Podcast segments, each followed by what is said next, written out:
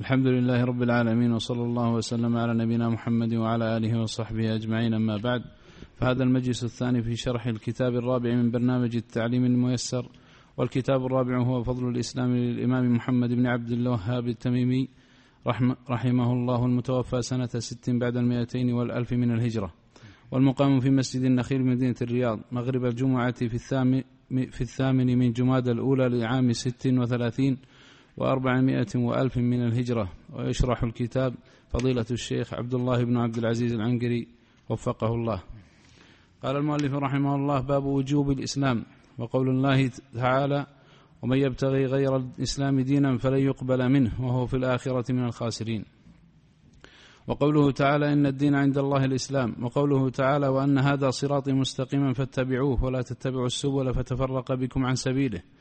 قال مجاهد السبل البدع والشبهات. وعن عائشة رضي الله عنها أن رسول الله صلى الله عليه وسلم قال من أحدث في أمرنا هذا ما ليس منه فهو رد أخرجاه. وفي لفظ من عمل عملا ليس عليه أمرنا فهو رد. وللبخاري رحمه الله تعالى عن أبي هريرة رضي الله تعالى عنه قال قال رسول الله صلى الله عليه وسلم كل أمتي يدخلون الجنة إلا من أبى. قيل ومن يأبى؟ قال من أطاعني دخل الجنة ومن عصاني فقد أبى.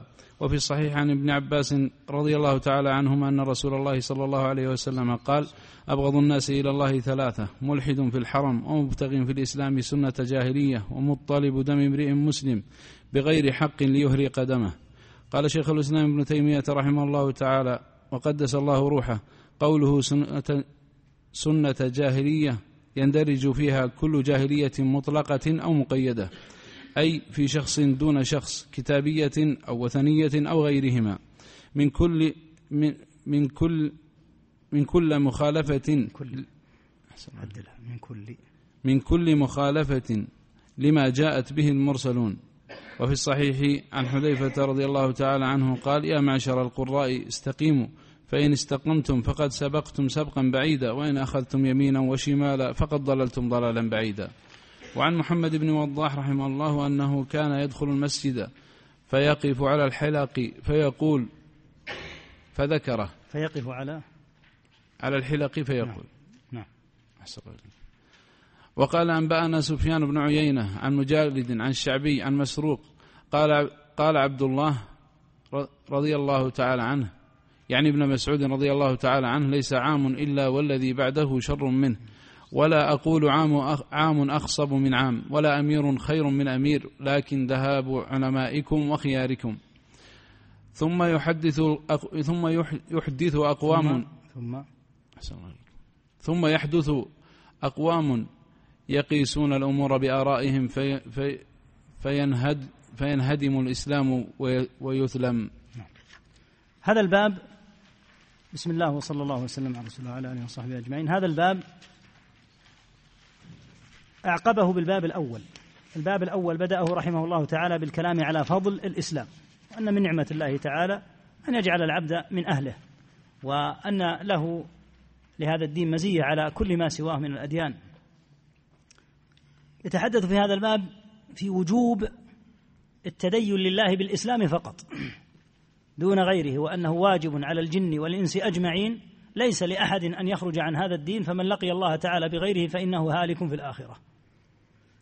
يقول باب وجوب الإسلام وقول الله تعالى ومن يبتغي غير الإسلام دينا فلن يقبل منه وهو في الآخرة من الخاسرين.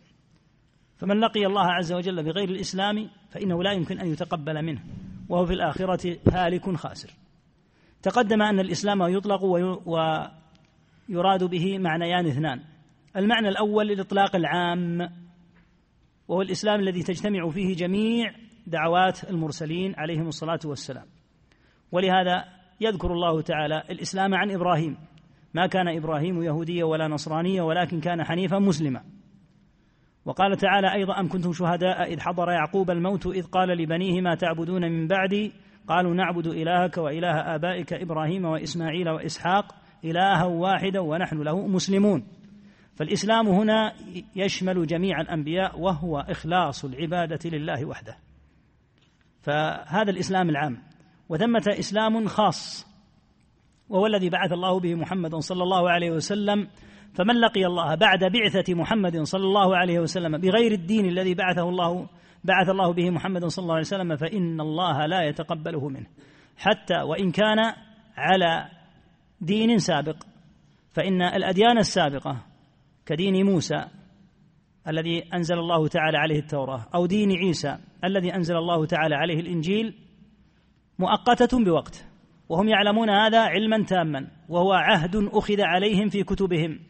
وإذا أخذ الله ميثاق النبيين لما آتيتكم من كتاب وحكمة ثم جاءكم رسول مصدق لما معكم لتؤمنن به ولتنصرنه. قال أأقررتم وأخذتم على ذلكم إصري؟ قالوا أقررنا. قال فاشهدوا وأنا معكم من الشاهدين. فأخذ الله على كل رسول. إذا بعث رسولا وأدركه ذاك الرسول أن يؤمن به وأن يتبعه وأن يصدقه. وأمر الله المرسلين أن يأخذوا على أقوامهم هذا العهد. فأخذ الأنبياء صلى الله عليه وسلم على أقوامهم هذا العهد. فمن هنا لزم بني إسرائيل سواء ممن كانوا على شريعة التوراة أو من كانوا على شريعة الإنجيل لزمهم جميعا أن يتبعوا محمدا صلى الله عليه وسلم بالعهد الذي أخذ عليهم في كتبهم هم. فإن أبوا فقد كفروا بمحمد صلى الله عليه وسلم وكفروا برسلهم أيضا وكفروا بكتبهم لأن هذا عهد أخذ عليهم في كتبهم فإذا لم يلتزموه فإنهم يكونون قد نقضوا ما عاهدوا الله تعالى عليه. لما بعث الله محمدا صلى الله عليه وسلم كما تقدم في الكتاب السابق أن الله تعالى لما بعث محمدا صلى الله عليه وسلم كان الناس على قسمين أهل كتاب وهم اليهود والنصارى والقسم الثاني من لا كتاب لهم ممن كانوا يعبدون الأوثان والملائكة والأشجار والأحجار والأنبياء والصالحين كما تقدم بيانه. الذين كانوا زمن النبي صلى الله عليه وسلم من أهل الكتاب قلنا إنهم انقسموا إلى فريقين. فريق انصاع للعهد الذي أخذ عليهم وقالوا هذا الذي كانت تبشرنا به أنبياؤنا عليهم الصلاة والسلام فآمنوا برسول الله صلى الله عليه وسلم ودخلوا في دينه فآتاهم الله عز وجل أجرهم مضاعفا باتباعهم لنبيهم الأول واتباعهم لمحمد صلى الله عليه وسلم فالكتابي الذي يصنع هذا يعطى أجره مرتين. أما من أبوا وقالوا نستمسك بديننا فكذبوا فإنهم ما آمنوا بالنبي الذي أرسل وأدركوه وهو محمد صلى الله عليه وسلم ولم يصدقوا ويعملوا بما أمرتهم به أنبياؤهم عليهم الصلاة والسلام فمن هنا كفروا بمحمد صلى الله عليه وسلم وكفروا بأنبيائهم أيضا. قال الله عز وجل إن الدين عند الله الإسلام. وقال ومن يبتغي غير الإسلام دينا فلن يقبل منه. فمن لقي الله عز وجل بدين يتدين به يرجو أن يرفعه الله عز وجل به درجة وهو غير الإسلام فإن الله تعالى لن يقبله. قال تعالى وهو في الآخرة من الخاسرين هو في الآخرة من أهل الخسران ولن يربح بل سيعطب ويهلك. وبين تعالى صراطه الذي ارتضاه وهو طريقه وسبيله الذي بينه.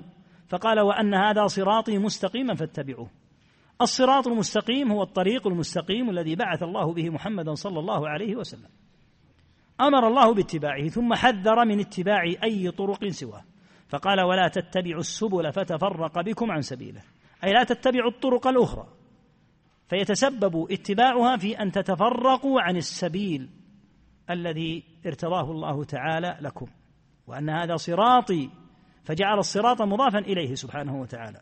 وأما السبل الأخرى فكما في الحديث على كل سبيل منها شيطان يدعو إليه.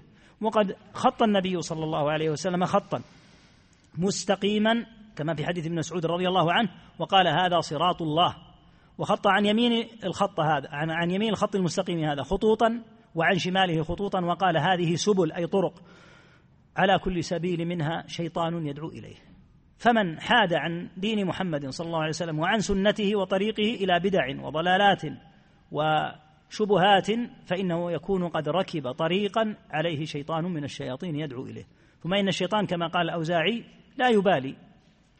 بأي طريق سلك؟ وهلك هذا الذي أبعد عن الصراط المستقيم. كما جاء عنه رحمه الله تعالى أن للشيطان محجتين. لا يبالي بأيهما سلك العبد. محجتين يعني طريقين. إفراط أو تفريط. هو يريد أن يصد عن السبيل المستقيم. كون هذا الإنسان يفرط ويبالغ ويتجاوز لا يهم الشيطان. المهم أن يبعد عن هذا الصراط. أو كونه يفرط ويقصر ويجفو لا يهم الشيطان. المهم أن يزول. كما قال تعالى مبينا ما توعد به عدو الله فقال لأقعدن لهم صراطك المستقيم. ثم لآتينهم من بين أيديهم ومن خلفهم وعن أيمانهم وعن شمائلهم ولا تجد أكثرهم شاكرين. فيصد الشيطان عن هذا السبيل ولا يكترث. أن يركب الإنسان طريق الخوارج أو الروافض أو الجهمية أو أن يتهود أو يتنصر أو يلحد. المهم أن يصد عن السنة التي بعث الله بها محمدا صلى الله عليه وسلم. ثم كونه كما قال الأوزاعي يتجه إلى أهل الإفراط أو إلى أهل التفريط. لا يبالي الشيطان بهذا. المهم أن يصد عن السبيل الطريق الذي قال الله عز وجل لنبيه قل هذه سبيلي أي طريقي أدعو إلى الله على بصيرة أنا ومن اتبعني. وسبحان الله وما أنا من المشركين. فمن أراد السلامة والتوفيق في دنياه وأخرى فليلزم سبيل محمد صلى الله عليه وسلم وليدعو إلى ما دعا إليه محمد صلى الله عليه وسلم. وبالطريق الذي دعا به وبالأسلوب الذي دعا به محمد صلى الله عليه وسلم فإنه قال وأن هذا صراطي مستقيما قل هذه سبيلي أدعو إلى الله على بصيرة أنا ومن اتبعني. فهذا هو الصراط المبين ولهذا فسر مجاهد السبل في قوله ولا تتبعوا السبل فتفرق بكم عن سبيله. قال السبل البدع والشبهات. وأنت تعلم أن البدع منوعة وأن الشبهات منوعة فمنها بدعة تنحو منحى الإفراط وبدعة تنحو منحى التفريط وهكذا الشبهات شبهات لأهل الإفراط ولأهل التفريط. هذه سبل وطرق تصد عن سبيل الله عز وجل. فليلزم السبيل الذي بعث الله به محمدا صلى الله عليه وسلم وإلا فالعطب والهلاك. ثم ذكر حديث عائشة المشهور رضي الله عنه في الصحيحين أن النبي صلى الله عليه وسلم قال من أحدث في أمرنا أي في ديننا هذا المراد. من أحدث في أمرنا هذا لا من في أمرنا هذا ما ليس منه فهو رد أي مردود على صاحبه. فمن أحدث أي ابتدع واخترع شيئا لم يات به محمد صلى الله عليه وسلم فإن ذلك مردود عليه وإن بذل فيه ماله وإن أجهد فيه نفسه وإن قطع فيه الطرق مسافرا ذاهبا آيبا وإن قام فيه ليله وصام فيه نهاره وهو على غير الطريق الذي شرعه الله عز وجل فإن ذلك كله مردود عليه. وذلك أنه حاد عن الطريق المستقيم. من أحدث أي اخترع وابتدع في أمرنا أي في ديننا وفيما بعث الله به محمد صلى الله عليه وسلم ما ليس منه والذي منه هو الذي في القرآن وفي السنة. فهو رد أي مردود عليه وفي اللفظ الآخر. من عمل من عمل عملا ليس عليه أمرنا فهو رد أي مردود. وللبخاري عن أبي هريرة رضي الله عنه أن النبي صلى الله عليه وسلم قال كل أمتي يدخلون الجنة إلا من أبى. رحمك الله. كل أمتي يدخلون الجنة إلا من أبى. أي رفض وامتنع.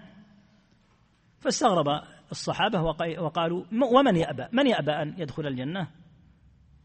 تأمل الجواب. ما قال من أطاعني دخل الجنة هنا ومن عصاني دخل النار. قال من أطاعني دخل الجنة وهذا واضح أنه لا طريق إلى الجنة إلا بطاعة محمد صلى الله عليه وسلم بعد رحمة الله.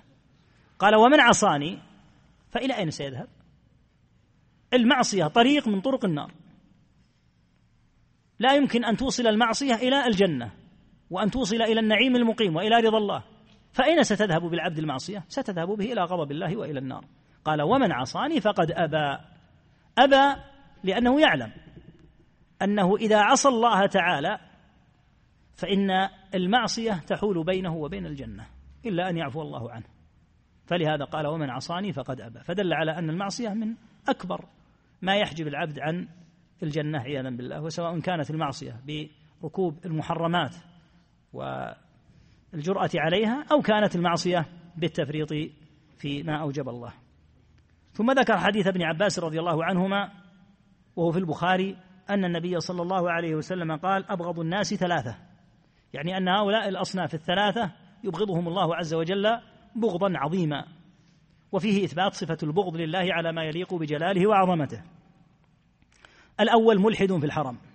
أصل الإلحاد الميل. والبينونة عن الطريق السوي. فمن ألحد و مال عما ينبغي فإنه عاص وقد أساء غاية الإساءة. فإذا كان هذا الإلحاد في الحرم فإن له شأنا أشد وأقبح. فإن المعصية في الحرم أقبح منها في غير الحرم. إذ الحرم له أحكام عظيمة جدا حتى إنه لا ينفر الصيد فيه. الصيد وهو مما يصاد خارج الحرم ويأكله الناس. يراه الإنسان ليس له أن يثيره وليس له أن يتعرض له. لأن للحرم مقاما وأحكاما عظيمة جدا. ثم يأتي ليلحد في الحرم هذا أبغض الناس إلى الله. هذا الصنف الأول. الثاني مبتغ في الإسلام سنة الجاهلية. بعد أن من الله على الأمة بالسنة وأزاح عنها الجاهلية الجهلاء التي نهى الله تعالى عن ركوب طريقها. هذا المفسد في الأرض يأتي وقد من الله تعالى على الناس بالنور المبين وبالصراط المستقيم ليحيي أمور الجاهلية ويبتغيها وينشرها في المسلمين. لا شك في عظم جرمه لأن الجاهلية أصناف منها شرك أكبر ومنها عادات قبيحة وسيئة مرتبطة بالأعراض بعضها مرتبط بخفر العهود بعضها قطيعة أرحام فالذي سيعيدها بعد أن من الله تعالى على الأمة بالعافية من الجاهلية لا شك أنه قد أجرم إجراما عظيما. فمن ابتغى في الإسلام سنة الجاهلية فإنه من الأصناف الثلاثة الذين هم أبغض الناس إلى الله.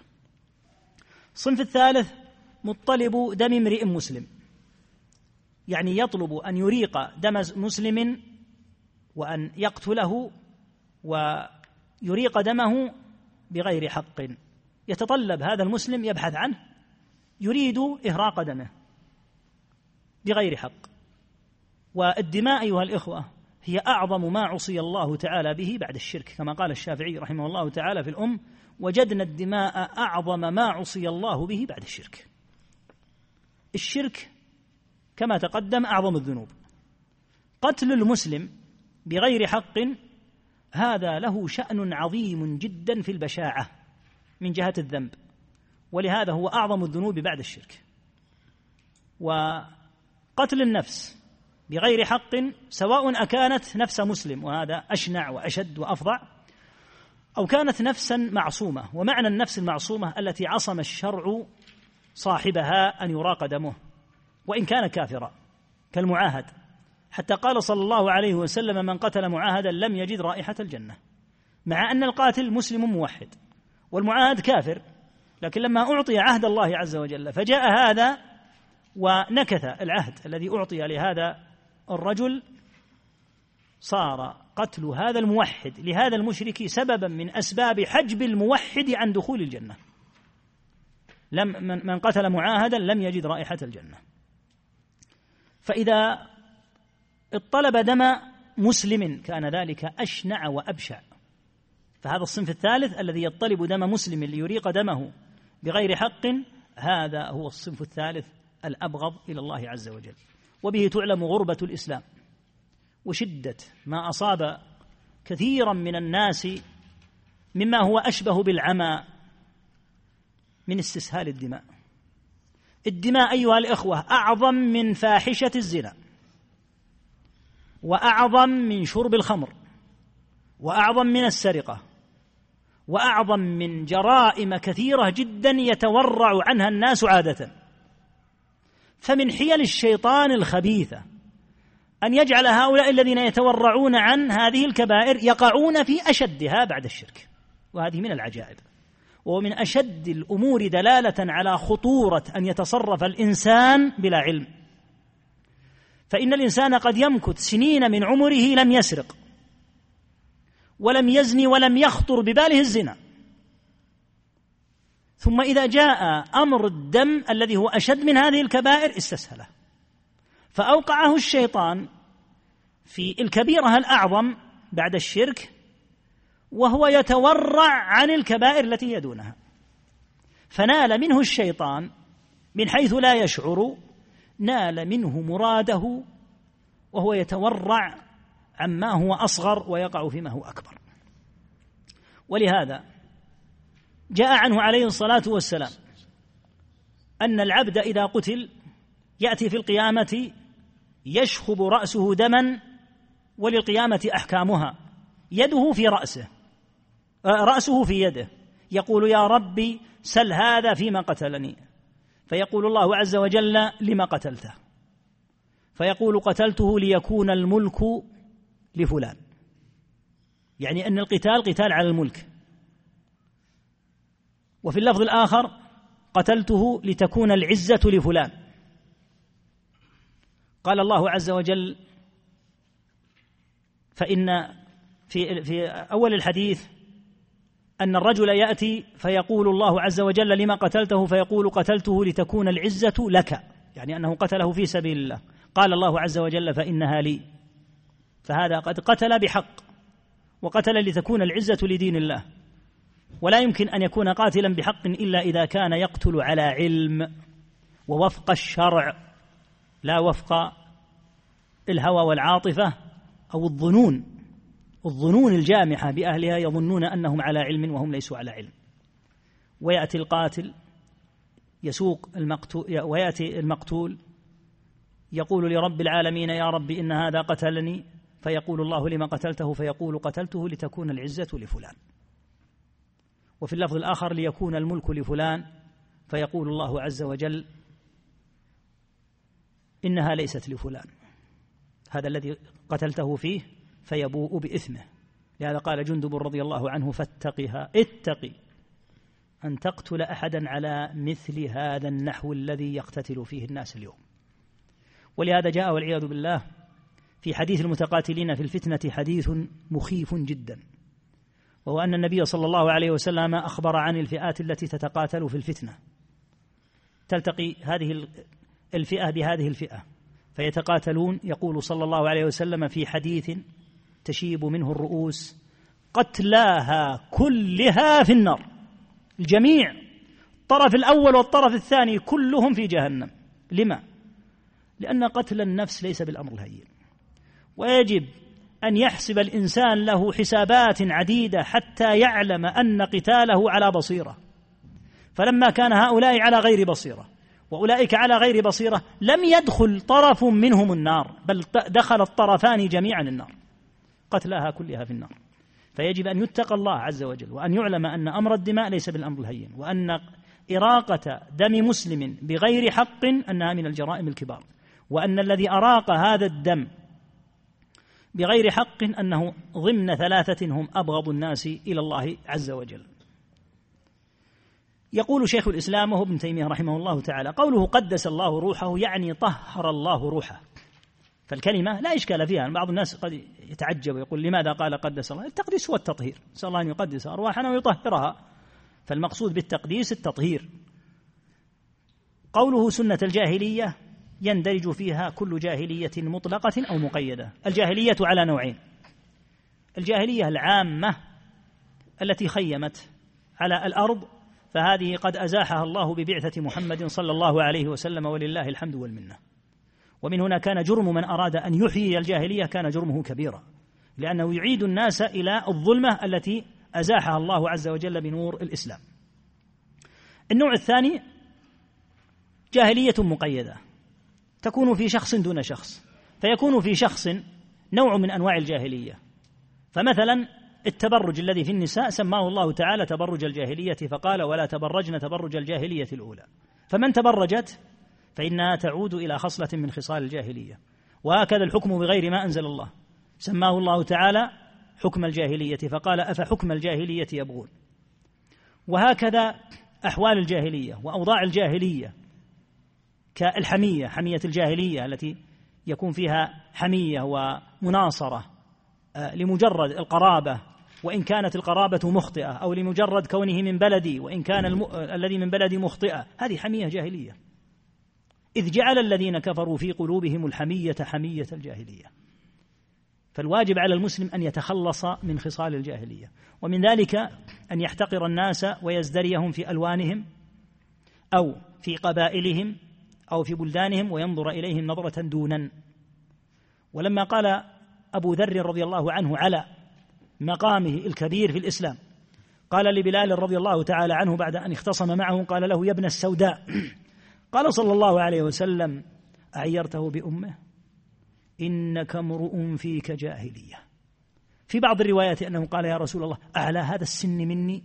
لأن أبا هريرة أبا ذر رضي الله عنه متقدم في سنه ليس صغيرا ثم إنه متقدم في إسلامه جدا رضي الله عنه. قال نعم إخوانكم خولكم فمن كان أخوه تحت يده فليطعمهم ما يطعم وليلبسهم ما يلبس. ماذا فعل أبو ذر رضي الله عنه بعد ذلك؟ كان يطعم آه، غلامه الذي هو عبده يطعمه كما يطعم تماما مع أنه لا يلزمه يلزمه أن يطعمه لكن يطعمه من نفس ما يطعم ويلبسه من نفس اللباس الذي يلبسه بعد هذا الحديث الذي يلبسه بعد هذا الحديث. فالواجب أن يتخلص من خصال الجاهلية. وكل أحد يثير النعرات في القبائل في البلدان في الألسن في الألوان. لا شك أنه متسبب في نوع من أنواع الجاهلية. العباد عباد الله والأرض أرض الله عز وجل وليس للألوان ولا للبلدان ولا للألسن ولا للقبائل. ما يعني تقديم أحد على أحد وإن كان أتقى. إنما المعيار الذي جعله الله تعالى معيار إنما الذي جعله الله تعالى هو معيار التقوى. قال الله عز وجل يا أيها الناس إنا خلقناكم من ذكر وأنثى وجعلناكم شعوبا وقبائل لتعارفوا. فالمقصود من القبائل أمر قدري جعله الله تعالى لتتعارف الناس. فيقال هذا فلان ابن فلان وأيضا لتوصل الأرحام. ثم قال إن أكرمكم عند الله أتقاكم. قوله إن أكرمكم عند الله أتقاكم. بعد ذكر القبائل والشعوب فيه بيان أن العبرة ليست بكونك من قبيلة كذا أو من بلد كذا أو أنك عربي أو أنك آه، لونك كذا أو أن لسانك أن لسانك كذا. العبرة بتقواك. فلهذا من أحيا هذه الأمور فإنه يحيي جاهلية. ولهذا يقول شيخ الإسلام في أمر الجاهلية إنها تكون مطلقة وتكون مقيدة. أي في شخص دون شخص. وسواء كانت الجاهلية كتابية يعني من جاهلية اليهود والنصارى أو وثنية مما كان عليه مثلا العرب في الجاهلية أو مما عليه الجاهليون الآن من البوذيين والوثنيين بأضرابهم كالهندوس ونحن فكلهم في جاهلية. من كل مخالفة لما جاء به المرسلون صلى الله عليه وسلم. وبهذا يعلم أن الوضع الماثل في أوروبا الآن أنه شرعا يسمى وضع جاهلية.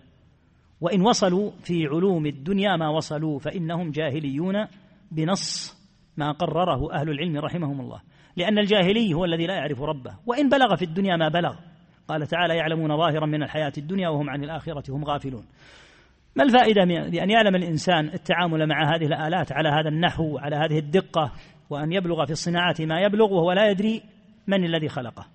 ولا لماذا خلقه. ولا بعد أن يموت على أي شيء يكون حاله وإلى أين يبعث؟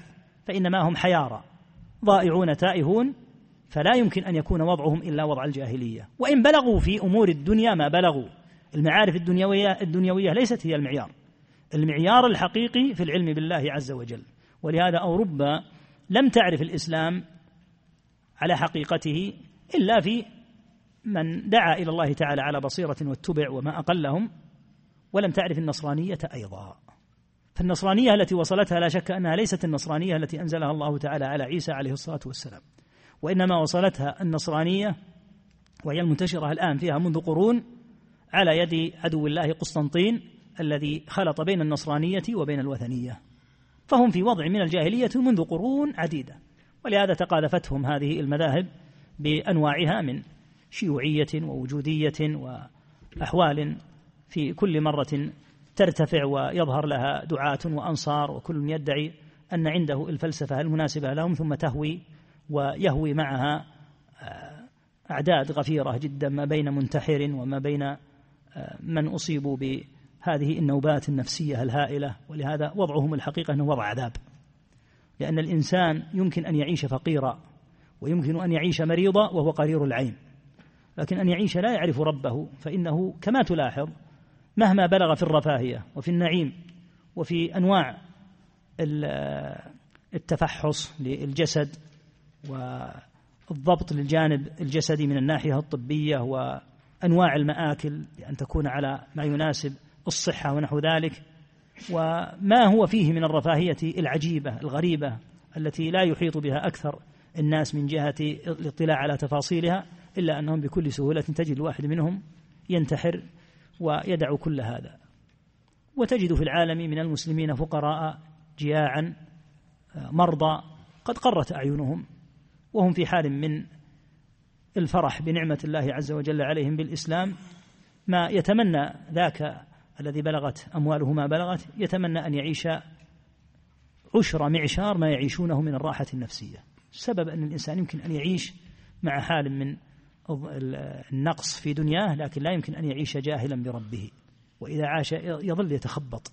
يتخبط فإن أراد الله له عافية وهو ما ذكرناه في أول الكتاب.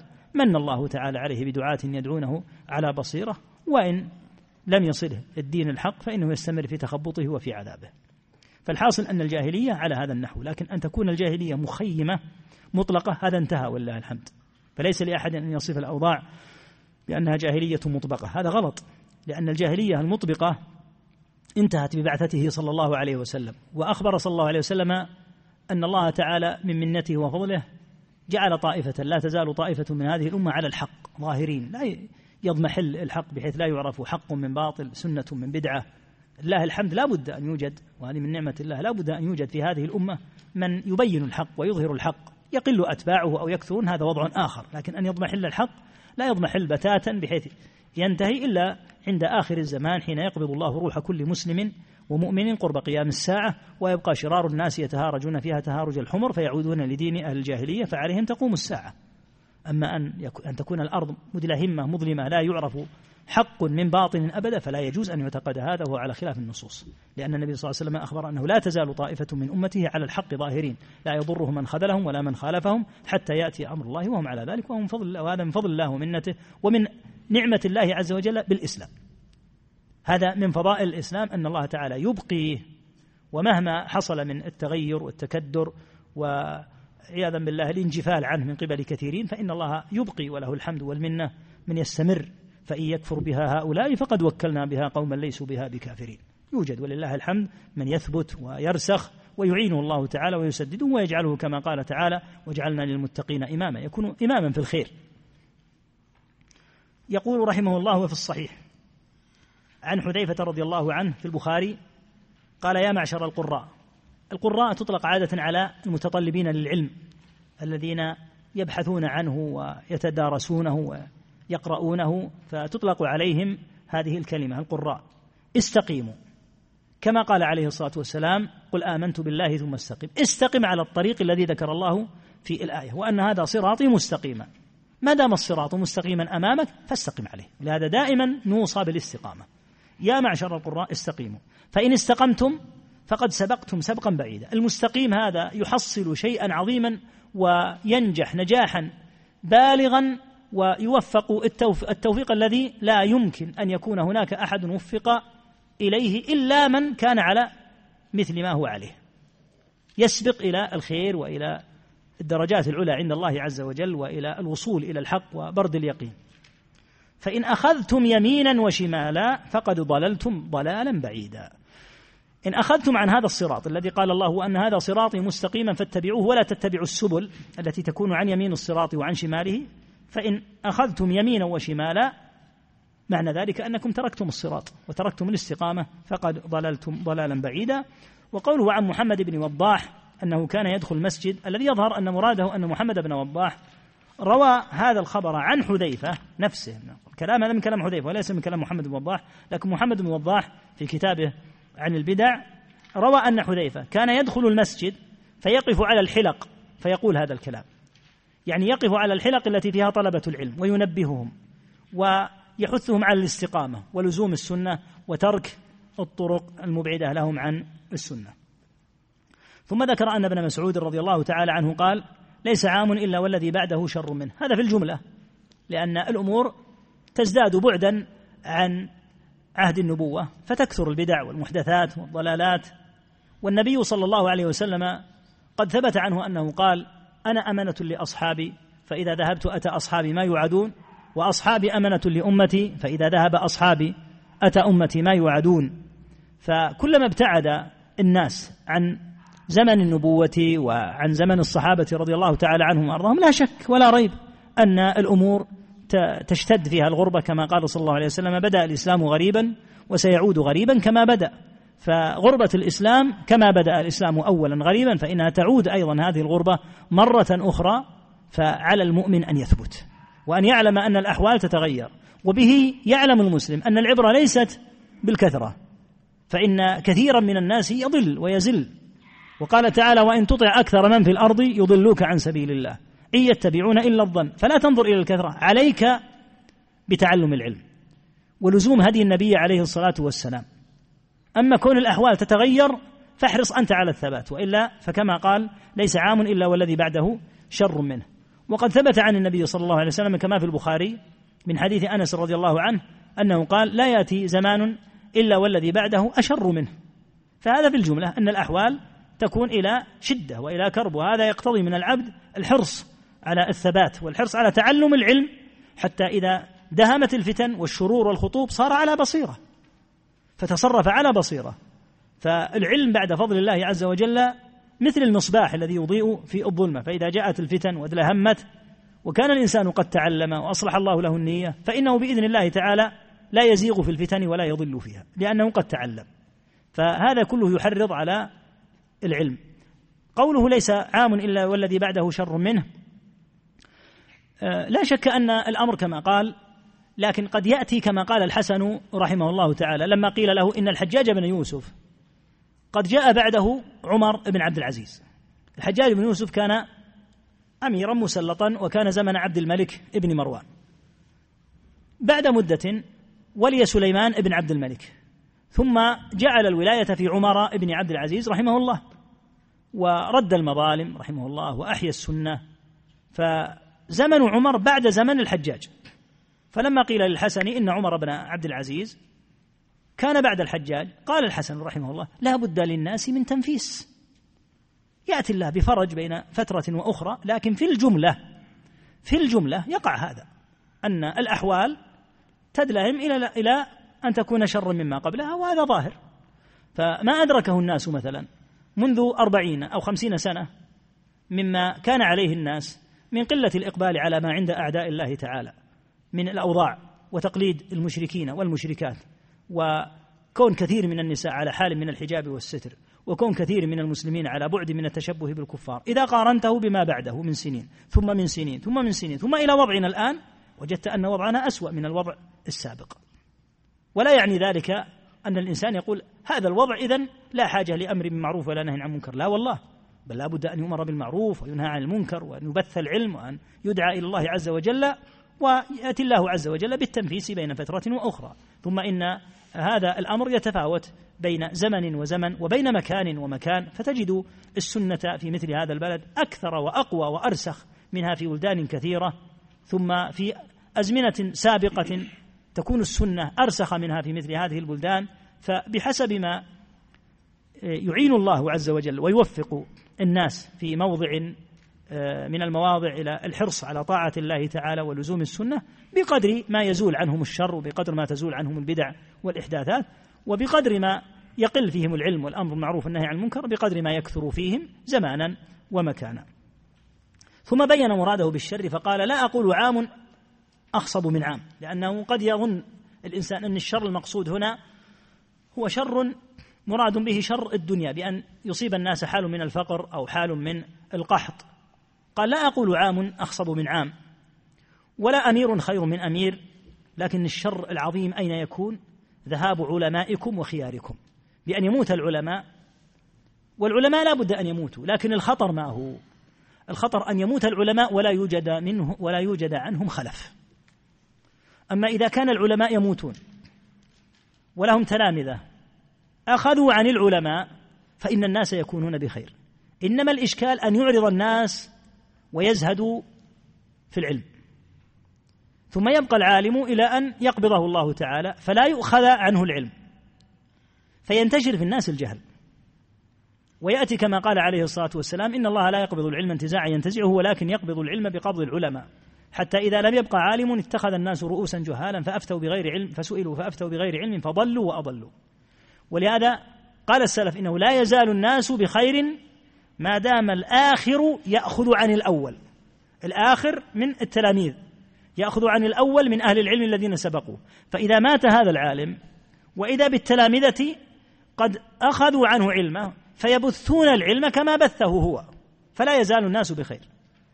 فإذا بقي الأول ولم يأخذ منه الآخر هنا يهلك الناس.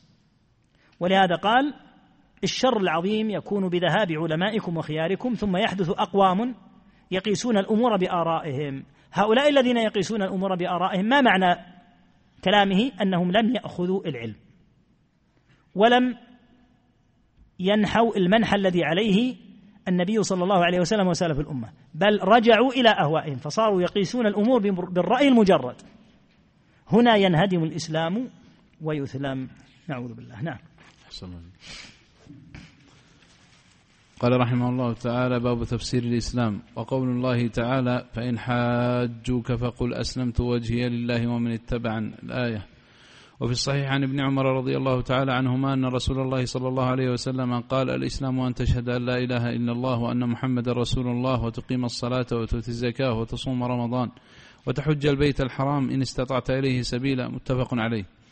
وفيه عن أبي هريرة رضي الله تعالى عنه مرفوعا المسلم من سلم المسلمون من لسانه ويده والمهاجر من هجر ما نهى الله عنه. وعن بهز بن حكيم عن أبيه عن جده رضي الله تعالى عنه أنه سأل رسول الله صلى الله عليه وسلم عن الإسلام فقال أن تسلم قلبك لله وأن تولي وجهك إلى الله وأن تصلي الصلاة المكتوبة وتؤدي الزكاة المفروضة. رواه أحمد. وعن أبي قلابة عن رجل من أهل الشام عن أبيه أنه سأل رسول الله صلى الله عليه وسلم ما الإسلام؟ فقال أن تسلم قلبك لله وأن, تسلم وأن, وأن يسلم المسلمون من لسانك ويدك.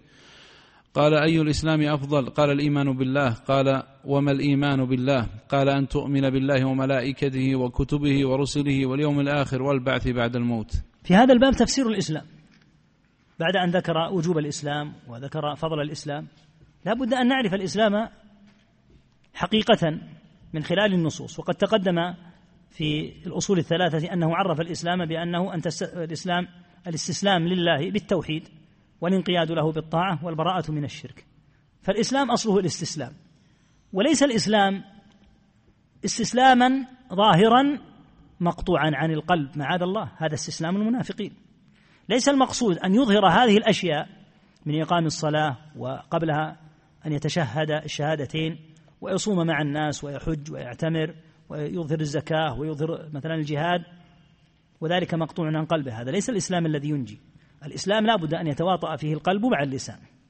والإسلام يكون بالاستسلام لله تعالى بأن يظهر هذه الأمور بأن يسلم لله أولا بالتوحيد وهو أعظم وأجل شيء. وأن ينقاد لله عز وجل ظاهرا بطاعته تعالى وأن لا يكتفي بهذا حتى يبرأ من الشرك ويبرأ من أهل الشرك. فالإسلام يتعلق إذا أطلق الإسلام يدخل فيه الإيمان. الإسلام إذا أطلق دخل فيه الإيمان. كما أن الإيمان إذا أطلق دخل فيه الإسلام. فإذا اجتمع في نص واحد كان الإسلام يراد به الأعمال الظاهرة وكان يراد بالإيمان الأمور الباطنة كما في الحديث أن تؤمن بالله وملائكته الحديث. لكن ليس هناك إسلام ظاهر ينفع صاحبه إلا إذا كان معه إيمان. فلا بد لكل مسلم من إيمان يصح به إسلامه. أما لو أظهر هذه الأمور بدون إيمان فإنه يكون منافقا لا ينفعه. ولا بد للمؤمن من إسلام به يحقق إيمانه. فليس الإسلام هكذا لفظا يطلقه الإنسان دون أن يلتزمه. وليس الإسلام استسلاما ظاهرا منقطعا عن القلب بل الإسلام يكون في الجوارح بالانقياد لله عز وجل مربوطا بيقين القلب وإلا فإنه لا ينفع صاحبه. ولهذا قال تعالى فإن, فإن حاجوك فقل أسلمت وجهي لله. المؤمن يسلم وجهه لمن؟ لله عز وجل. مخلصا لله تعالى إسلامه. وهكذا من اتبع قوله ومن اتبع أي من اتبع النبي صلى الله عليه وسلم فإنه يسلم وجهه لله تعالى. ثم ذكر حديث ابن عمر رضي الله عنهما المشهور الإسلام أن تشهد أن لا إله إلا الله وأن محمد رسول الله وتقيم الصلاة وتؤتي الزكاة وتصوم رمضان وتحج البيت الحرام إن استطعت إليه سبيلا. فسر صلى الله عليه وسلم الإسلام هنا بالأعمال الظاهرة لأنه سئل معه عن الإيمان.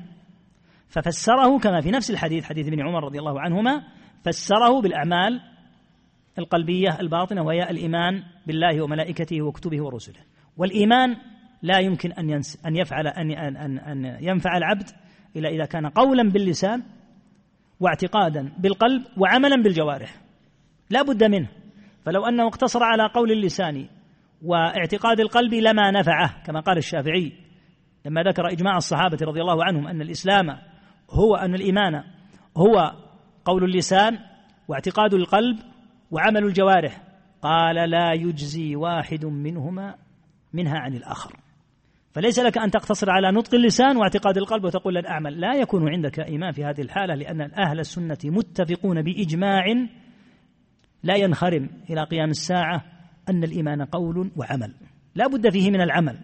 وبه نعلم أن الإسلام إذا أطلق فإنه لا بد فيه من الإيمان. أما من يعمل الأعمال التي يظهر بها استسلامه وليس عنده إيمان فإنها لا تنفعه قطعا.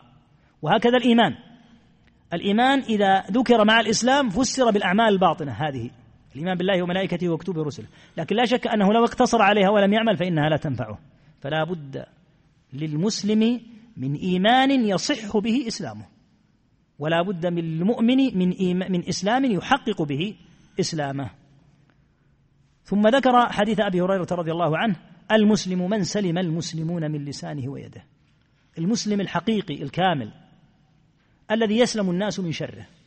والشر يأتي من هاتين الزاويتين. إما أن يكون بذيئا في لسانه شرا على الناس بألفاظه وإما أن يكون ذا يد يعتدي بها على الناس. فإذا سلم منك إخوانك المسلمون من أذاك بلسانك ومن تعديك بيدك فإن هذا هو الإسلام الحق.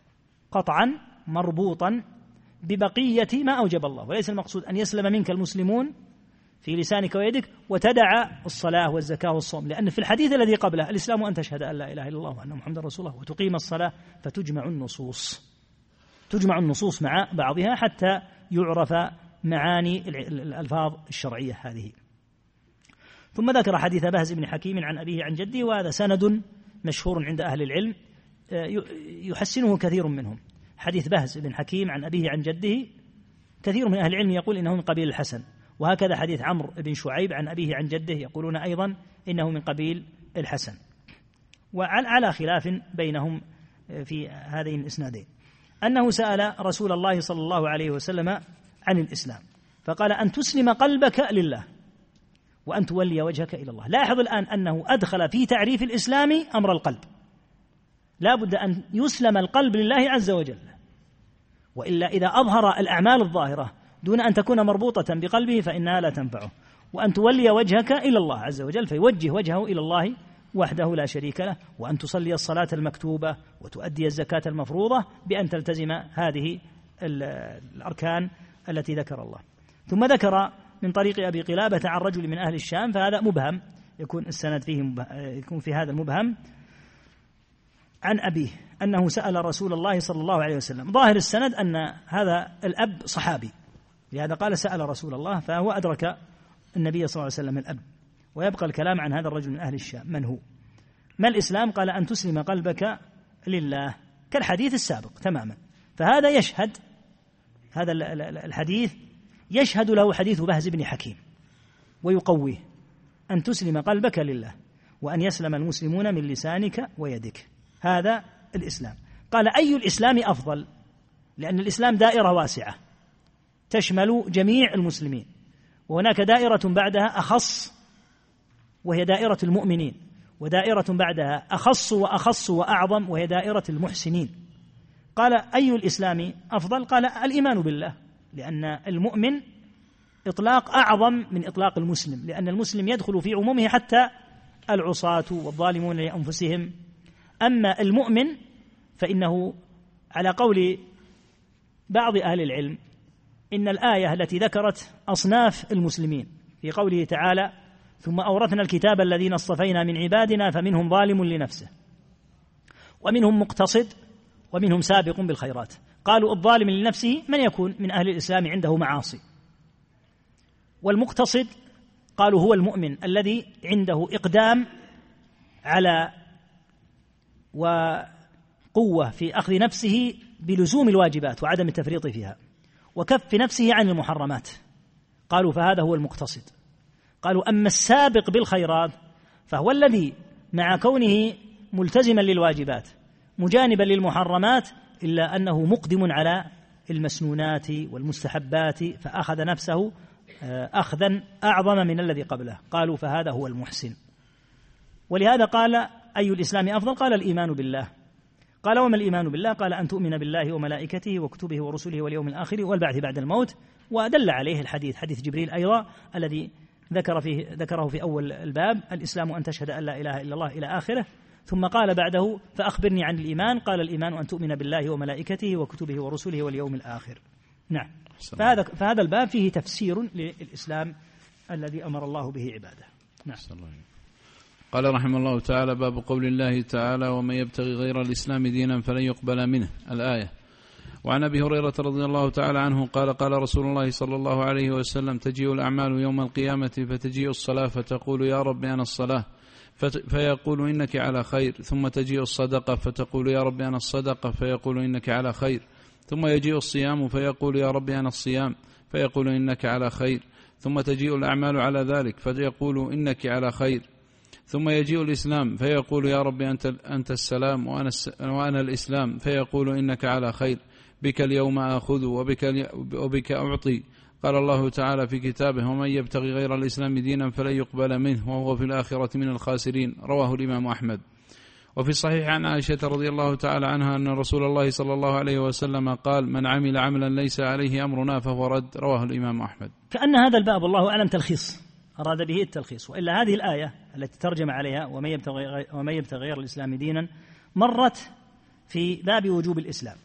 وهكذا حديث من عمل عملا ليس عليه أمرنا فهو رد مر في نفس الباب. فكأنه أراد أن يلخص وأن يبوب على الآية تبويبا خاصا مستقلا.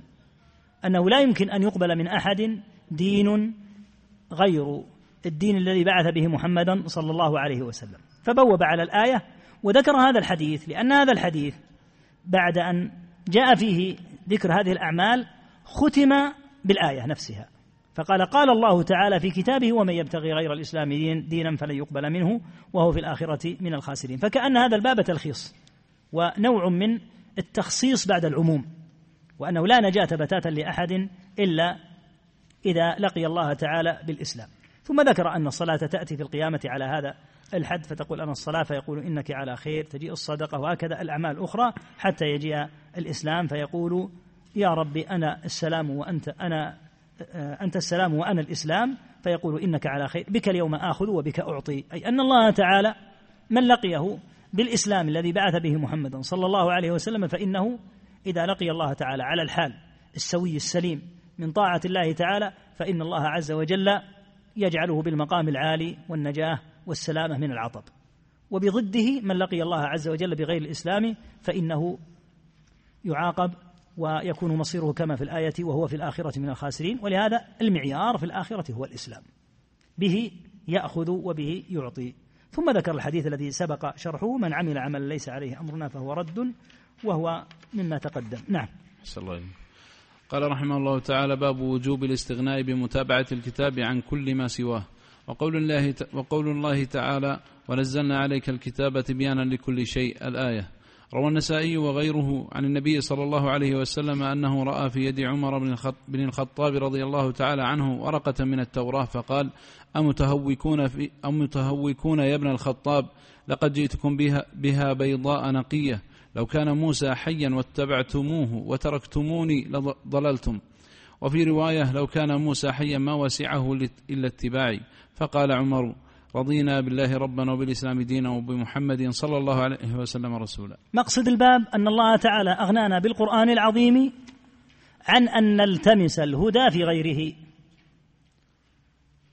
فلسنا بحاجة إلى أن نلتمس ما عند أهل الكتاب ونقول ماذا عندكم من الهدي؟ أعطونا لعلنا أن نكون أكثر هدى. معاذ الله. في كتاب الله وفي سنة نبيه صلى الله عليه وسلم الغنية الكاملة عن كل ما سواه عن كل ما سواهما. ولهذا أوجب ذكر الباب هنا في إيجاب الاستغناء بمتابعة هذا الكتاب العظيم عن كل ما سواه. فليس لأحد أن ينشر التوراة والإنجيل في بلاد المسلمين. ويقول سنأخذ منها الهدي المناسب في القرآن وفي السنة ما يكفي ولله الحمد والمنة. باب وجوب الاستغناء بمتابعة الكتاب.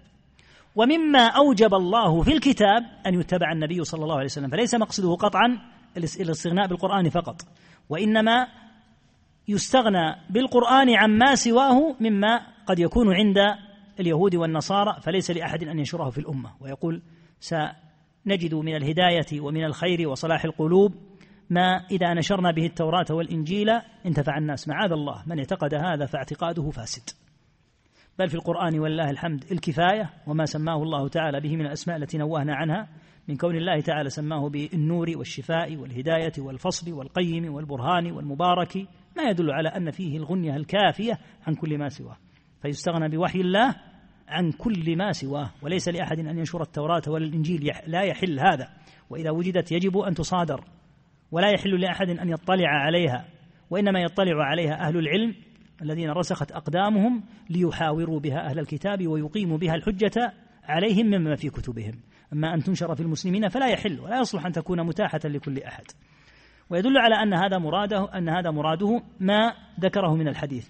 أن عمر بن الخطاب رضي الله عنه كان وجد ورقة من التوراة فأتى بها وصار يقرأها عند النبي صلى الله عليه وسلم فتلون وجه رسول الله صلى الله عليه وسلم ثم قال أمتهوكون يا ابن الخطاب؟ يعني متشككون أو متحيرون.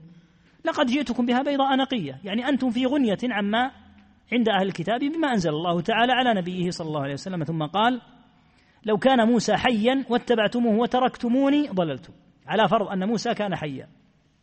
لو كان موسى حيا لا شك أنه سيأتي ليتابع النبي صلى الله عليه وسلم للعهد الذي ذكرناه في الآية وإذا أخذ الله ميثاق النبيين الآية.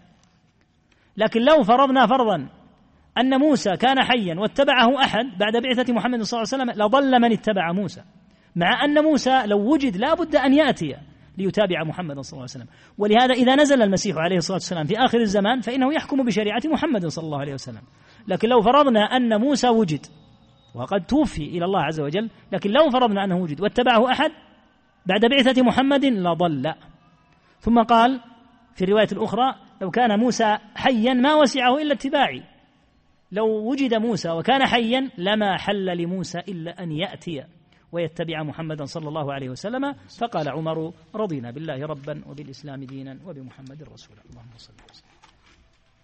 أحسن قال رحمه الله تعالى باب, باب ما جاء في الخروج عن دعوى الإسلام. وقول الله تعالى هو سماكم المسلمين من قبل وفي هذا الآية. عن الحارث الأشعري رضي الله تعالى عنه عن النبي صلى الله عليه وسلم أنه قال آمركم بخمس الله أمرني بهن السمع والطاعة والجهاد والهجرة والجماعة. فإنه من فارق الجماعة قيد شبر فقد خلع ربقة الإسلام من عنقه إلا أن يراجع.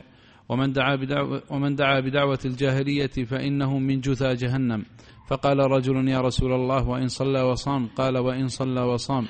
فادعوا بدعوى فادعوا بدعوى الله الذي سماكم المسلمين والمؤمنين عباد الله. فادعوا بدعوى الله الذي سماكم المسلمين والمؤمنين عباد الله. أحسن هكذا نعم. فادعوا بدعوى الله الذي سماكم المسلمين والمؤمنين عباد الله. رواه أحمد والترمذي وقال هذا حديث حسن صحيح. وفي الصحيح من فارق الجماعة شبرا فمات فميتته جاهلية وفيه أبي دعوى الجاهلية وأنا بين أظهركم. وقال أبو العباس رحمه الله تعالى كل ما خرج كل ما خرج عن دعوى الإسلام والقرآن من نسب أو أو بلد أو جنس أو مذهب أو طريقة فهو من عزاء الجاهلية. بل لما اختصم مهاجري وأنصاري بل لما اختصم مهاجري وأنصاري فقال المهاجري يا للمهاجرين. وقال الأنصاري يا للأنصار. قال صلى الله عليه وسلم أبي دعوى الجاهلي أبي دعوى الجاهلية وأنا بين أظهركم. وغضب لذلك غضبا شديدا. انتهى كلامه رحمه الله. هذا الباب في وجوب أن يلتزم المسلمون الأسماء الشرعية التي سماهم الله وأن لا يحدثوا أسماء. ما أنزل الله بها من سلطان يتسمون بها ويتوالون عليها ويعادون عليها. فإن هذا شأنه شديد جدا وخطير وهو تمزيق للجماعة التي أمر الله تعالى أن تكون واحدة. الحاجة الحقيقة لهذا الباب حاجة كبيرة ولا سيما في هذا الزمن. مع شدة ما وقع في الأمة من هذا التفرق العظيم. الأمة ماذا سماها الله؟ سماها الله بأسماء كما في الحديث. فادعوا بدعوى الله الذي سماكم. المسلمين المؤمنين عباد الله. تأمل هذه الأسماء ما مزيتها؟ العموم. فهؤلاء المسلمون المؤمنون عباد الله ليس فيها شيء من التحزب. التحزب من شأنه إذا وجد في الأمة أن تبث الفرقة معه. حتى لو قال أهله إنهم سيسعون إلى ألا يكون تحزبهم سببا في فرقة الأمة. نقول هذا أمر قدري لا يمكن أن تصرفه بحال من الأحوال. أبى الله إلا أن يجعل مع التحزب فرقة. يستحيل أن ترد أمر الله بهذا. إن وجد التحزب فستوجد معه الفرقة. إن أردت السلامة من الفرقة فاترك التحزب. إذا ترك هذا تحزبه وترك هذا تحزبه ماذا يحصل؟ يعودون للجماعه أما إذا شققت الأمة فصار هذا له اسم وهذا له اسم هذا يدعو أقواما ويلتفون حوله تحت حزب معين وهؤلاء يجتمعون تحت اسم جماعة معينة وهكذا يجتمع مع هذا عدد ومع هذا عدد ومع هذا عدد ثم يتنافسون ثم يتباغضون ثم يبدأ بعضهم يحرض على بعض ويحذر من بعض وينشأ من آثار هذا ما خشيه عليه الصلاة والسلام من الفرقة وترك الجماعة. أمة محمد صلى الله عليه وسلم أمة واحدة. لما توفي صلوات الله وسلامه عليه ما كان هناك أحد يسمى باسم إلا الاسم العام الذي سماهم الله أنهم المسلمون المؤمنون عباد الله ومن سواهم كفار. كما أن دارهم هي دار الإسلام وما سواهم دار كفر. فإنهم جميعا مسلمون. وإذا اختلفت ألوانهم أو بلدانهم أو أنسابهم أو ألسنتهم فهم مسلمون. فإذا جاء أحد وبتر الأمة وقطعها وشق فيها شقا بحزب ينشئه أو بجماعة وإن كان صادقا ومخلصا لله يريد نصر الإسلام وإعزازه سيؤلفها ويجمع فيها الناس ويضع لها ترتيبا معينا فإنه ليس وحده الذي يفعل هذا سيفعل هذا غيره وسيجمع اناسا آخرين وسيكون هؤلاء منضوين تحت فلان وأولئك منضوين تحت فلان فيحصل التنافس ويحصل الفرقة ولا بد. فلهذا الوضع السوي أن تكون هذه الأمة التي ربها واحد وكتابها واحد ونبيها واحد صلى الله عليه وسلم أن تكون جماعتها واحدة. أما أن يقولوا ربنا واحد وكتابنا واحد ونبينا واحد صلى الله عليه وسلم ولكن سنؤلف جماعات وأحزابا فهذا متناقض. لأن الجماعة ضد للتحزب. ولهذا إحداث تحزب في الأمة أضر بأمة الإسلام ضررا بالغا. وصارت العاقبة أن اشتغل المتحزبون ببعضهم حتى صرفهم اشتغالهم ببعضهم عن الاشتغال بعدو الله عز وجل. وولج أهل الكفر وأهل النفاق إلى هؤلاء إلى هذه الجماعات وهذه الأحزاب متسمين باسم المسلمين ومظهرين الحدب على الإسلام وأوجدوا حتى فيما بين هذه الجماعة التي والحزب الذي نشأ أوجدوا بين أفرادها إشكالات أدت إلى تشقق الحزب نفسه فصار احزابا. وانشقاق الجماعة التي تسمت باسم فصارت نفس الجماعة عدة جماعات. مع أن أصل إنشائهم وانطلاقهم كان يراد به في نظرهم أن يعزوا الإسلام وأن يكونوا يدا واحدة على أعدائه. لكن لما سلكوا المسلك الذي نهوا عنه صارت العاقبة أن ابتلوا بهذه الفرقة. وبهذه وبهذا الانشغال عن أعداء الله عز وجل حتى صار يخطط عليهم بسهولة. وصار يحدث بينهم الشغب والمشاكل بأدنى قضية تثار بينهم. ودخل في هذه الأحزاب وهذه الجماعات عدد غير قليل قد تكون نواياهم سليمة. لكن عظمت الداهية والبلية بانضمام عدد من هؤلاء ليسوا من أهل العلم الشرعي. وتجدهم الآن اناسا كبارا قد تقدمت بهم السن وهم لم يجثوا بالركب عند أهل العلم ولا يعرفون العلم. فيا لله العجب كيف يقود هؤلاء الأمة؟ كيف يستطيعون أن يتعاملوا مع نوازلها الهائلة العظيمة التي تحتاج إلى علم شرعي؟ فكانت العاقبة أن وجد ما ذكره الأوزاعي. للشيطان محجتان لا يبالي بأيهما ركب العبد إفراط أو تفريط. وجد الإفراط والتفريط بسبب أن هذا ينشأ ويقيم حزبا على حال من المبالغة والتفريط المبالغة والإفراط في أمر من الأمور. ويقابله غيره على حال من القصور والتفريط يقابل هذا هذا. ما العاقبة؟ العاقبة الوضع الماثل في الأمة الآن بعد أن تشققت. ولن يعود للأمة عزها إلا بما قال مالك رحمه الله. لا يصلح آخر هذه الأمة إلا ما أصلح أولها. فالذي يتصور أن أحوال الأمة ستحل بأساليب حديثة على خلاف ما جاء في النصوص والله لو أعطي من العمر قرونا لا يمكن أن ينفع الله به أمة الإسلام. لن يزيد أمة الإسلام إلا كبوات. فلهذا يجب أن يتقى الله ولهذا أجزل الله للمصنف الأجر وما أعظم فقهه وأدقه حين جعل في كتاب عن فضل الإسلام هذا الموضع الخروج عن دعوة الإسلام نحن مسلمون. يجمعنا الإسلام.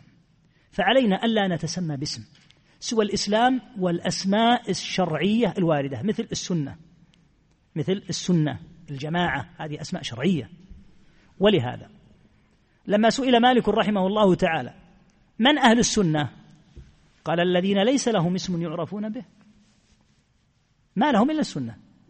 قيل ما السنة؟ السنة نفسها ما هي؟ قال ما لا اسم له إلا السنة. تريد أن نعطيك معنى السنة؟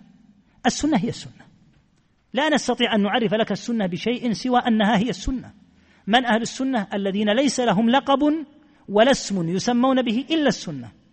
ولهذا ليس لأحد أن يشق في الأمة اسما ويجمع الناس عليه ويقول تعالوا نضع جماعة هي جماعة كذا. يقابله آخر يقول سنضع حزبا هو حزب كذا. تتشقق الأمة بهذا وفي هذه الحالة يحصل مخالفة الهدي الذي أوجب الله بأن تكون جماعة واحدة. ولهذا لما سمع عمر بن عبد العزيز رحمه الله تعالى أن قوما في زمنه تداعوا إلى الحلف سيتحالفون على خير في نظرهم. كتب كتابا رحمه الله تعالى إلى الآفاق وهو خليفة. قال فيه لمن بلغه كتابي هذا أنهاهم أن يتخذوا غير الإسلام حصنا وغير الله ورسوله والمؤمنين وليجة أو أن يتخذوا دون الله ورسوله والمؤمنين وليجة.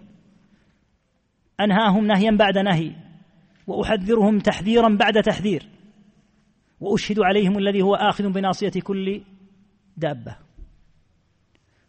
وكان مطرف بن عبد الله الصحابي التابعي الجليل الكبير ابن الصحابي الجليل عبد الله ابن الشخير. يأتي مجلس زيد بن صوحان وكان صاحب آه، زهد وعبادة وعنده جملة من أهل العبادة والخير. فكان مطرف أصغرهم.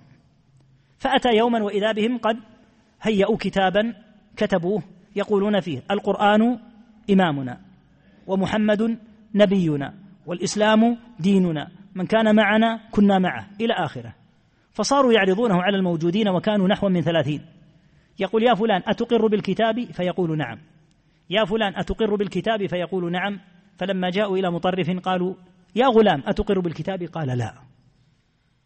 تعجبوا منه. قال زيد لا تعجلوا على الغلام. لأن الكتاب ما الذي فيه؟ الله ربنا محمد نبينا القرآن إمامنا. الصبي يقول لا ما أقول به ما أقر. قال يا غلام ما الذي يحملك على ألا تقر؟ قال إن الله أخذ علي في كتابه عهدا فلا أقبل كتابا سواه. يعني لا تحدث كتبا أخرى. الله أخذ علينا عهدا في كتابه والنبي صلى الله عليه وسلم بين الطريق أنت يا زيد الآن ستأتي بكتاب وسيأتي آخر بكتاب ثم نجتمع نحن الثلاثون يجتمع آخر ثلاثون يجتمع ثلاثمائة تتشقق الأمة. يقول فرجعوا عن آخرهم لأنهم يريدون الحق وأنا أصغر القوم. يعني كان هو الغلام الصغير. كان زيد رحمه الله كبيرا وكان في عدد من كبار التابعين. لكن لما نبههم رحمه الله وكان أصغرهم رجعوا كلهم عن هذا الكتاب. لماذا نضع كتابا؟ لماذا نضع حلفا؟ لماذا نضع جماعة؟ لماذا نضع حزبا؟ نتعاون مع كل المسلمين سودهم وبيضهم عربهم وعجمهم حاضرتهم وباديتهم وتكون جماعتنا واحدة. ويعين الذي في المشرق الذي في المغرب ويتعاونون على البر والتقوى. هكذا أمر الله. أما أن تشقق الأمة إلى أحزاب وإلى جماعات يظن أنها سترفع من وضع الأمة. انظر ما الذي حدث. اشتغلت الجماعات ببعضها واشتغل المتحزبون ببعضهم وانشق من الجماعة نفسها المؤلفة جماعات ومن الحزب نفسه أحزاب. فصارت الأمة على هذا الوضع. وكثرت التسميات غير الشرعية. وكثرت الظنون. وصار الإنسان ينظر إلى أخيه المسلم المتدين. هذا من أي جماعة؟ تتوقع أنه من إيش هذا؟ هذا انظر اتجاهه. اتقوا الله. مسلمون مؤمنون عباد الله كما قال عليه الصلاة والسلام ادعوا المسلمين بأسمائهم بما سماهم الله. المسلمين المؤمنين عباد الله. هذه هذه هي الأسماء التي يجب أن يلتف إلى عليها المسلمون. وهكذا اسم السنة لأنها سنة النبي صلى الله عليه وسلم. ولهذا حذر السلف من هذا. ومثل ما قال العلامة الشيخ محمد الأمين رحمه الله تعالى صاحب الأضواء أضواء البيان يقول الرابطة التي تجمع بين أهل الأرض يعني من أهل, من أهل الإيمان بل التي تجمع بين أهل الأرض وأهل السماء هي لا إله إلا الله فلا يجوز البتة النداء برابطة سواها. لا ترفع رابطات أخرى لا ترفع شعارات أخرى نجتمع على لا إله إلا الله على ما بين الله تعالى من معناها وبين النبي صلى الله عليه وسلم ونأتلف. أما أن نجتمع على أوضاع معينة نقررها ونكتبها وأحوال محددة وربما حصل فيها حتى بيعات. لا شك أن هذا من المنكر العظيم وأن هذا من تشقيق الأمة. فالأمة يجب أن تكون جماعة واحدة. ولهذا بدأ بحديث الحارث الأشعري بعد أن ذكر الآية هو سماكم المسلمين لا نرتضي بغير تسمية الله اسما. سمنا الله المؤمنين لا نرتضي بغير تسمية الله اسما. عباد الله لا نرتضي بغيرها اسما. السنة أيضا من الأسماء الثابتة الدالة عليها التي وردت في النصوص. فنحن أهل السنة. والجماعة كما قال عليه الصلاة والسلام تفترق أمتي على ثلاث وسبعين فرقة كلها في النار إلا واحدة. قالوا من هي؟ قال الجماعة. هذه التسميات الشرعية التي يجتمع عليها الجميع الواجب أن يجتمع عليها الجميع. أما أن يفرق الناس وأن يكون لهذا اسم ولمن معه اسم معين ويتبع ذاك آخرون لهم اسم معين حتى تجد الإخوة الأشقة هذا تابع لجهة وهذا تابع لجهة وبينهم من العداء والبغضاء والشر شيء عظيم بسبب أن هذا ينحى هذا المنحى وهذا ينحى هذا المنحى هذا الذي يخشى من عواقبه وهذا اللي وهذا الذي يضعف الجماعة فالواجب أن يجتمع المسلمون الاجتماع السليم الذي كان على عهد النبي صلى الله عليه وسلم. والنبي صلى الله عليه وسلم بنى الدولة. بناء النبي صلى الله عليه وسلم للدولة أيها الإخوة في المدينة. بناء تطبيقي. كانت دولة لها حاكم يقيم الشرع في ضوء جماعة. وما كان هناك جماعة أخرى تظهر على رسول الله صلى الله عليه وسلم. ولهذا لما أبى المرتدون أن يؤدوا الزكاة مع قولهم نحن نصلي لكن لا نؤدي الزكاة رأى الصحابة أن هذا من الخروج على الجماعة فقاتلوهم حتى أعادوهم إلى حظيرة الإسلام. فلهذا ينبغي أن يتقى الله وأن تترك التسميات التي قطعت الناس وبترت الناس. وجزء كبير من هذه التسميات هو بالظنون. يعني يسمع إنسان يقول كلمة كذا فيقول هذا من جماعة كذا. ويسميه باسم ربما أنه لا يدري ما يدري بتاتا بهذا الاسم. هذا الذي يخشى منه. حتى تباغض أهل الدين فيما بينهم. هذه العاقبة. وصارت القلوب متوحشة. وكل شيء يؤدي إلى وحشة القلوب والخلاف فإنه يجب إيقافه. حتى ثبت عن النبي صلى الله عليه وسلم في البخاري أنه قال اقرأوا القرآن ما اتلفت عليه قلوبكم فإذا اختلفتم عنه فقوموا. وهو القرآن. لأن القرآن يؤلف فإذا كنتم بقراءة القرآن سيؤدي ذلك إلى اختلافكم قوموا. القرآن يؤلف الناس ما يفرقهم معنى ذلك أن منهجكم خاطئ. قوموا لا تختلفوا وبين يديكم كتاب الله عز وجل. فالواجب أن تترك هذه التسميات وأن تكون الجماعات هذه والأحزاب التي قال أهلها إنما يريدون نصرة الدين وإعزاز الجهاد في سبيل الله وإعزاز الأمة ورفع الذلة التي تسلط بها اليهود والنصارى والملاحدة نقول كونوا كلكم جماعة واحدة. وتكون طاقات هذه الجماعة وهذه الجماعة وهذه الحزب وهذا الحزب وهذا الحزب كلها تكون موجهة واحدة في ضوء جماعة واحدة يرجع فيها إلى أهل العلم يستفتى أهل العلم فيها. أما أوضاع ونوازل مدلهمة لا يرد الأمر فيها لأهل العلم. ثم يقال نحن سنرفع من حال الأمة لا هذا الذي يضعف الأمة أكثر وأكثر. ذكر حديث الحارث رضي الله عنه أن النبي صلى الله عليه وسلم قال آمركم بخمس أمرني الله تعالى بهن السمع والطاعة. لماذا قال السمع والطاعة؟ لأنك قد تسمع ولا تطيع. فالسمع والطاعة لمن والله تعالى الله عز وجل أمرك. من ولاة الأمور تسمع وتطيع في غير معصية الله. أما في معصية الله فلا يطاع أحد لا يطاع حاكم لا يطاع زوج من قبل من قبل من قبل زوجته ولا أب من قبل أبنائه ولا عبد من قبل سيده. الطاعة المطلقة لله ورسوله صلى الله عليه وسلم. من سواهم تعرض أوامرهم على أوامر الله ورسوله صلى الله عليه وسلم. فإن خالفت يقال له الذي أمرنا بطاعتك هو الذي نهانا أن نتبعك في هذه. فلا يطاع أحد في معصية. السمع والطاعة. والجهاد لأن الجهاد هو ذروة سنام الإسلام. لكن كما قلنا مرات وكرات الجهاد له أحكام ويؤخذ عن أهل العلم ولا يكون عاطفة جياشة. والهجرة بأن يهاجر من بلاد الشرك إلى بلاد الإسلام والجماعة. فإنه من فارق الجماعة قيد شبر. الشبر هذا هو قصير جدا. لو فارق الجماعة هذه المفارقة فقد خلع ربقة الإسلام من عنقه. انظر إلى شدة الأحاديث في أمر مخالفة الجماعة. سمى خروجه ومفارقته للجماعة خلع لربقة الإسلام من عنقه إلا أن يراجع يعني قبل أن يموت ولا يلقى الله على هذا الحال. وإلا إذا لقي الله على هذا الحال كما سيأتي في الحديث فإنه يموت ميتة جاهلية. ومن دعا بدعوى الجاهلية فإنها فإنه من جثى جهنم. دعوى الجاهلية لا لا ترفع بتاتا في جماعة المسلمين. الجاهلية انتهت مع أبي جهل ومع أبي لهب. من أحياها فإنه مجرم مفسد في الأرض. يجب أن يعاقب ويردع التعزير ويعزر ويردع الرادع الشرعي الذي لا يوقفه هو يوقفه ويوقف من يمكن أن يرفع في الأمة رايات الجاهلية. يجب أن تبتر أمور الجاهلية بترا. فقال رجل يا رسول الله وإن صلى وصام. السائل يسأل يقول يكون له هذا الوعيد الكبير حتى لو كان من المصلين من الصائمين؟ قال وإن صلى وصام. فادعوا الله بدعوى الله الذي سماكم. يعني لتتداعوا فيما بينكم. ينادي بعضكم بعضا لا بالألقاب والتنابز الحاصل الآن بين الناس.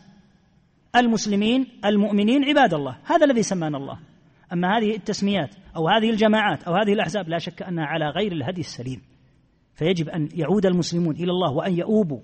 وكل هذه الطاقات الموجودة هنا وهناك في جماعة وفي حزب تعود طاقة واحدة. يستفتى فيها أهل العلم. لأنها نوازل كبيرة.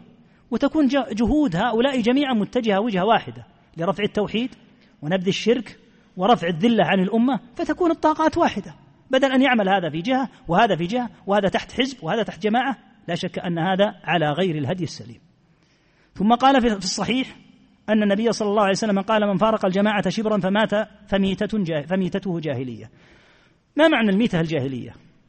يقول أبو سعيد الخدري فيما رواه صاحب المصنف إياكم وميتة جاهلية. قالوا فما ميتة جاهلية؟ قال أن تموت ولا إمام عليك. يعني أن تعتقد أن ولي الأمر هذا الذي بويع أنك بالنسبة أن الأمر بالنسبة لك لا تلزمك بيعته. لو مت ولقيت الله على هذا الحال حتى لو لم تهرق دما ولم ترفع سلاحا مجرد أن أن ترى أن بيعة المسلمين هذه لا تلزمك تموت ميتة جاهلية وإن لم تؤذي أي أحد. لأن الأمر كما قال بعض أهل العلم قال ليس لك أن تموت ليس لك أن تبيت وأنت تعتقد أن ليس في رقبتك بيعة. بيعة الشرعية وجماعة مسلمة بويع الحاكم فيها مبايعة السليمة لو تقول أنا لن أهريق دما ولن أفعل شيئا لكن هذا الرجل بالنسبة لي والله لا أضر أمة محمد صلى الله عليه وسلم. لكن أنا لا أرى بيعته والأمر بيني وبين ربي. يقال لو مت على هذا الحال. فالله يعلمه منك تموت ميتة جاهلية.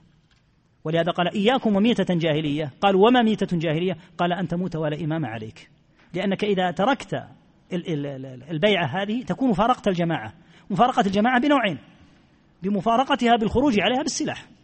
والنوع الثاني باعتقاد أن هذه البيعة التي تمت في الجماعة لا تلزمك. هنا تكون ميتتك جاهلية وإن لم تهرق دما. فهذه أحكام خطرة جدا. يجب أن تعلم وأن تعرف حتى نكون في ضوء جماعة. ولهذا قال صلى الله عليه وسلم أبي دعوى الجاهلية وأنا بين أظهركم. لما اختصم اثنان من أحدهما مهاجري والآخر أنصاري. فقال الأنصاري يا للأنصار ورفع بها صوته حتى يجتمع الأنصار. وقال المهاجري يا للمهاجرين الإسمان إسمان شرعيان كريمان سماهما الله تعالى سمى الله تعالى الصحابة بهما في القرآن. لما رفع هذان الإسمان داخل الجماعة وهما إسمان شرعيان وأثنى الله على أهلهما. لكن لما رفع ليكون الناس تحت راية مهاجرين وهؤلاء تحت راية أنصار بهذه الطريقة لا شك أن هذا سيضر الجماعة. سمى النبي صلى الله عليه وسلم هذا دعوة جاهلية. ما بالك بأسماء أخرى؟ ما بالك بتسمية جماعات أو أحزاب؟ هذه الآن تسمية شرعية. لكن لما رفعت لينضوي المهاجرون مع هذا المهاجري ويكون الأنصار مع هذا الأنصاري. قال أبي دعوى الجاهلية وأنا بين أظهركم. يعني وصلت الأمور إلى أن تظهر أمور الجاهلية. وأنا حي موجود. ثم قال عليه الصلاة والسلام دعوها فإنها منتنة. المنتن هو الشيء القدر الخبيث الرائحة. يقول هذه دعوة الجاهلية. دعوها فإنها منتهى منتنة. قال أبو العباس وهو شيخ الإسلام بن تيمية رحمه الله تعالى كل ما خرج من دعوة الإسلام والقرآن يعني عندنا الإسلام هذه دعوة الإسلام التي تضمنا جميعا. وهكذا السنة وهكذا القرآن الذي أكرمنا الله تعالى به. كل ما خرج من هذه الدعوة من نسب. وليس المقصود أن لا ينتسب الإنسان معاذ الله. لا بد من الأنساب. اعرفوا من أنسابكم ما تصلون به أرحامكم. وكونك تعطي ذا النسب صدقة يكون لك بها صلة وصدقة. لا. لكن أن ترفع الأنساب لتثار النعرات في الجماعة. هذا المقصود. أو بلد. أنا بلدي أفضل من بلدك. ثم داخل البلد الواحد نفسه. تجد أصحاب هذه المنطقة ونحن أفضل منكم. هذه كلها من دعاوى الجاهلية. أو مذهب أو جنس. جنسنا أفضل من جنسكم. أنتم من البربر أنتم من الزنج أنتم من كذا. فجنس هنا أيضا عدنا من جديد إلى دعوى الجاهلية. أو طريقة مثل الطرق الصوفية ونحوها فهو من عزاء الجاهلية. وهكذا الجماعات. وهكذا التحزبات. كلها تدخل في هذا. قال بل لما اختصم مهاجري وأنصاري قال المهاجري يا المهاجرين وقال الأنصاري يا الأنصار قال صلى الله عليه وسلم أبي دعوى الجاهلية وأنا بين أظهركم وغضب لذلك غضبا شديدا. نعم غضب صلى الله عليه وسلم وكان يصلي لما وقعت الواقعة هذه بين المهاجر والأنصار ونهاهم صلى الله عليه وسلم عن مثل هذا. فإذا كان ينهى عن أن يرفع اسم المهاجرين والأنصار وهما اسمان شرعيان فما بالك بأي اسم يلتف عليه أناس باسم جماعة أو باسم تحزب؟ ملحظ يا أخوة؟ الكتاب لا يحرك بالرجل. الكتاب إذا أردت أن تحركه هذا فيه آيات من كتاب الله عز وجل فيه أحاديث النبي صلى الله عليه وسلم فيه اسم الله. فإذا أردت أن تحركه تأخذه بيدك وتضعه أمامك. أما بالرجل فلا يليق أن يحرك. يسأل عن قوله صلى الله عليه وسلم من أكل الخبيثتين فلا يقربن مصلانا. ورد عن النبي صلى الله عليه وسلم أنه نهى عن أكل الكراث والثوم أو البصل والثوم. وأمر من أكلهما ألا يقرب المصلى. حديث صحيح معروف. يقول إذا كان صحيحا إن حاول من أكلهما إزالتهما أو إزالة الرائحة يذهب المسجد لا تزول يا أخي الرائحة. الرائحة لا تزول إلا بطول مدة ولهذا لو أكلها في الليل الطويل مثلا بعد العشاء ربما تزول بعد إذا ذهب إلى صلاة الفجر أو أكلها في الصباح الباكر إذا جاء الظهر الغالب أنها تكون زالت. أما إذا كانت باقية فإنه ليس له أن يأتي المسجد. يقول ما هو وجه الربط بين الإنفاق والرزق والشفاعة في الآية؟ يا أيها الذين آمنوا أنفقوا مما رزقناكم.